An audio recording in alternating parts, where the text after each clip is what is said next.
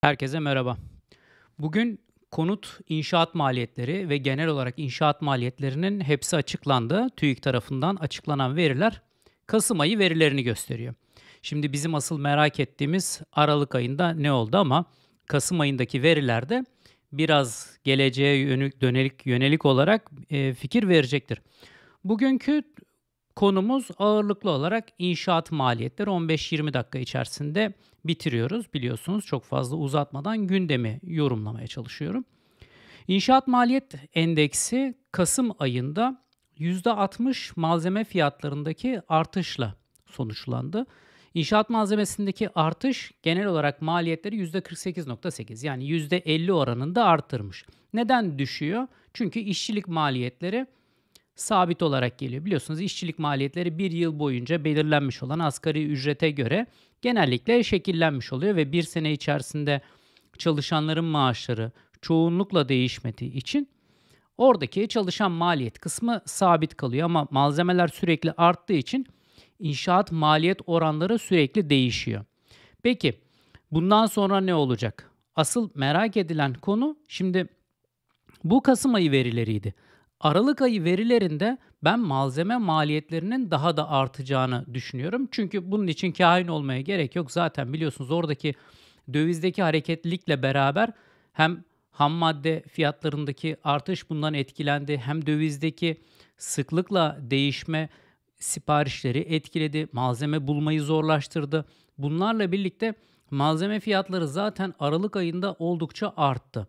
Şimdi Aralık fiyatlarını gördüğümüz zaman Yine işçilik maliyetlerini aynı göreceğiz ama bu defa malzeme %60'tan belki %100'e çıkmış olacak. Çünkü genellikle inşaatçıların söylediği Ocak ve Şubat'taki 2021 için söylüyorum. Malzeme fiyatları en az %100 arttı dendi. O halde Aralık ayında inşaat malzemelerindeki artışı %100 olur olarak görürsek demek ki bizim e, Aralık ayında göreceğimiz inşaat maliyetleri ortalaması %60'lar bandına belki de %70'ler bandına gelebilecek. Asıl önemli olan değişiklik maalesef çok iyi haberler veremiyorum. Çünkü iş son aylarda çok iyiye gitmediği için e, hem para politikaları tarafında hem de TL'nin değer kaybetmesi tarafında olumlu sonuçları olmadığı için Ocak 2022 itibariyle işçilerin çalışan maliyetlerindeki o görmüş olduğumuz hemen size tabloyla burada e, göstereyim. Beraber bakalım buna. Bakın şurada görmüş olduğunuz paralel çizgiler bunlar işçilik maliyetleri. Bakın burada sabit gidiyor.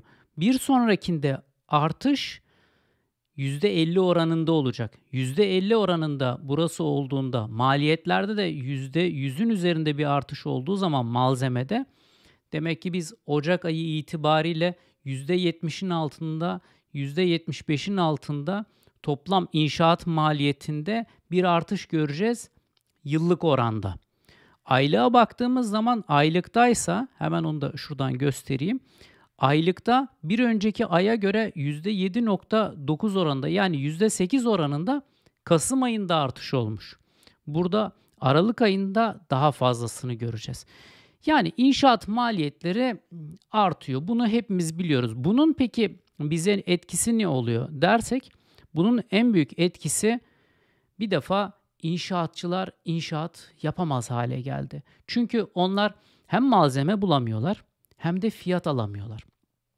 Öbür tarafta arsa sahipleri ya da geliştiriciler onlar müteahhitlerle anlaşamıyorlar. Çünkü hem onların anlaşma süresi zaten zaman alıyor bu anlaşma süresinde o kadar hareketli bir süreç yaşanıyor ki bugün inşaatçılar malzemenin fiyatını bir saat için alabiliyorlar.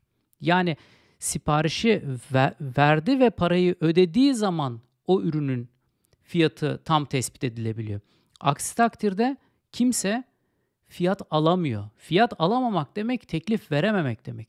Yani müteahhitler arsa sahiplerine teklif veremez haldeler. Kendi maliyetleri açısından maliyetlerini kendileri tahmin edemiyor. Bu da aslında yeni inşaat başlangıçlarına geciktirecek. O halde 2021'in son çeyreği için biliyorsunuz orada ne kadar ruhsat alındığı daha açıklanmadı. İlk 3 çeyrekte 470 bin e, adet konut için e, şey alındı. Hemen size onun grafiğini göstereyim. Ruhsat alındı. Şimdi oradaki ruhsat sayıları 2021'in 4. çeyreğinde oldukça azalmış olarak karşımıza çıkacak. Şimdi hemen onu size göstereceğim. Bakın. Bu Celal Erdoğdu.com'dan gösteriyorum bunları sürekli. Biz buradaki verileri sürekli güncelliyoruz. Bakın şurada yapı ruhsatı ve iskanlar dediğimiz zaman şurada 2021'in birinci çeyreğinde bakın 174 bin, ikinci çeyreğinde 157 bin, üçüncü çeyreğinde 148 bin. Yani 3 çeyrekte 470 bin adedi bulduk. Şimdi dördüncü çeyrekte şuradaki rakamları 148 bin, 145 bin civarındaki sayıları bulamayacağız.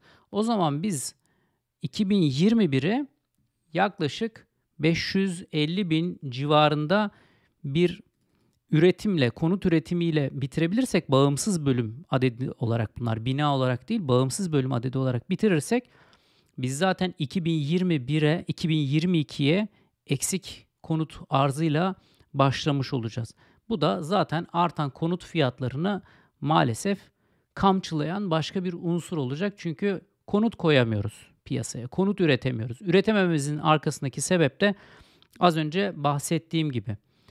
Sebep fiyat net değil, maliyet çok yüksek. Fiyat yüksek, müteahhit fiyat veremiyor. Fiyat sürekli değişken, müteahhit fiyat veremiyor. Malikler kendi aralarında anlaşamıyorlar. Çünkü zaman alıyor ve maliyet sürekli değişiyor. Kendi belirledikleri düşünceyi müteahhite söyleyene kadar fiyat tekrar değişiyor. Bu da üretimi çok ciddi bir şekilde zorlaştırmış oluyor. İnşaat yaptıracakları maalesef kolay günler beklemiyor. Her şeyi netleştirmeleri gerekiyor. Burada anlaşmalarda neler olabilir derseniz burada belli bir opsiyon verilmesi lazım. Eğer gerçekten birilerinin inşaat yaptırmak ist- ist- istiyorlarsa Türk lirası üzerinden anlaşmak neredeyse çok zor. Ola ki Türk lirası üzerinden anlaşıldı. Belli dönemlerde belli kontroller yapılarak belki opsiyonlar konulabilir sözleşmeye. Yani inşaatın kabası için ayrı anlaşılabilir, incesi için ayrı anlaşılabilir. Burada müteahhitlerle e, malikler arasında kat karşılığı anlaşmalar için söylüyorum ya da tamamen taahhüt anlaşmalar için söylüyorum. Yani A'dan Z'ye inşaatı verilip e, inşaatın yaptırıldığı anlaşmalar için söylüyorum. Bir model geliştirilmesi gerekiyor. Yoksa müteahhitle anlaşabilme şansınız yok. Anlaşsanız da müteahhitin işi tamamlayabilme ihtimali yok. Yani bu adamın bu işten para kazanabilme ihtimali olması lazım. E, para kazanamazsa işini yapamaz zaten. Bu da sizin işinizin tamamlama, tamamlanamaması anlamına gelecektir. Bu sebeple kolay bir dönem yok hakikaten karşımızda. Bugün e, Sözcü gazetesinde de bir tane haberin içerisinde benim de benimle de yapılmış olan bir röportaj var. Hatta yarın da çıkacak. Orada da zaten belirtiyorum. Konut üretimi tarafında devletin müdahil olması çok kolay değil. Zaten şu an atılmış olan adımlar da konut üretimi tarafında çok yok. Yani çok fazla bir üretim katkısı sunamıyor devlet. E, bu belli sebepler tabii bu konuşmuş olduğumuz maliyet de bunlara sebep olan sebeplerden bir tanesi. Ama yapılması gereken makro ölçekte belli kararlar alınması ile ilgili benim de vermiş olduğum röportajda zaten bunu belirttim. Bugün Sözcü gazetesinde yayınlandı, yarın da yayınlanacak. Vaktiniz olursa bakarsınız. Buradan da kısaca söylemiş olayım. Özellikle belediyelerin arsa üretimi tarafında destek olması bir çözüm olabilir. Bir diğeri de devletin makro ölçekte belli şeyleri kolaylaştırması gerekiyor. Yani ilk konutu olanlara birden fazla konutu olanlara hiçbir destek sunulmaması hatta teşvik yerine onları başka yöne teşvik edecek. Yani başka yatırım araçlarına teşvik edecek şeylerle paralarını gayrimenkule yatırmak yerine başka bir yere yatırmaya teşvik edebilir. Artı getireceği belli vergi yükleriyle onlara konut yatırımından uzaklaştırabilir.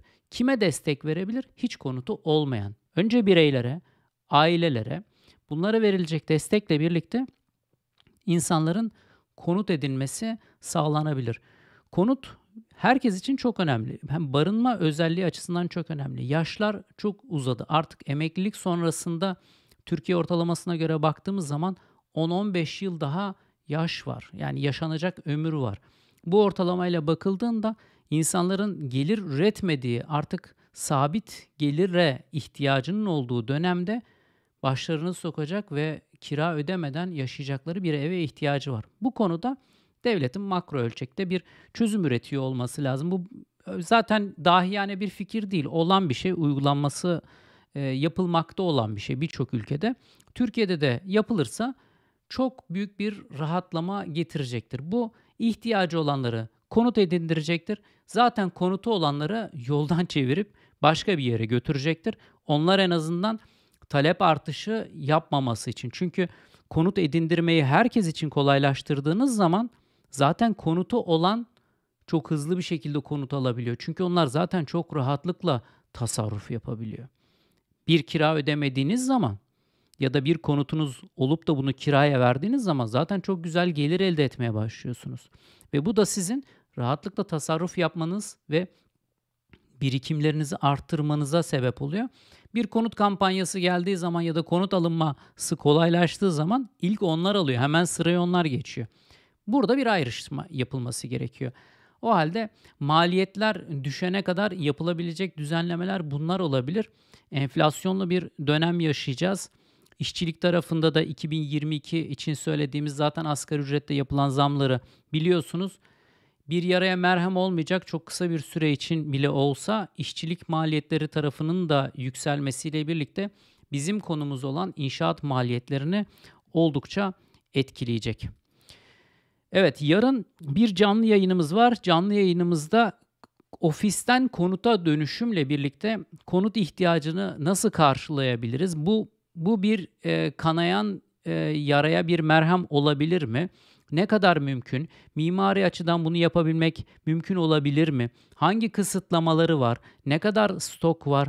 Bu stoğun ne kadarı değerlendirilebilir? Konularını Mimar Sedat Bayrak'la birlikte yarın akşam saat 9'da konuşacağız.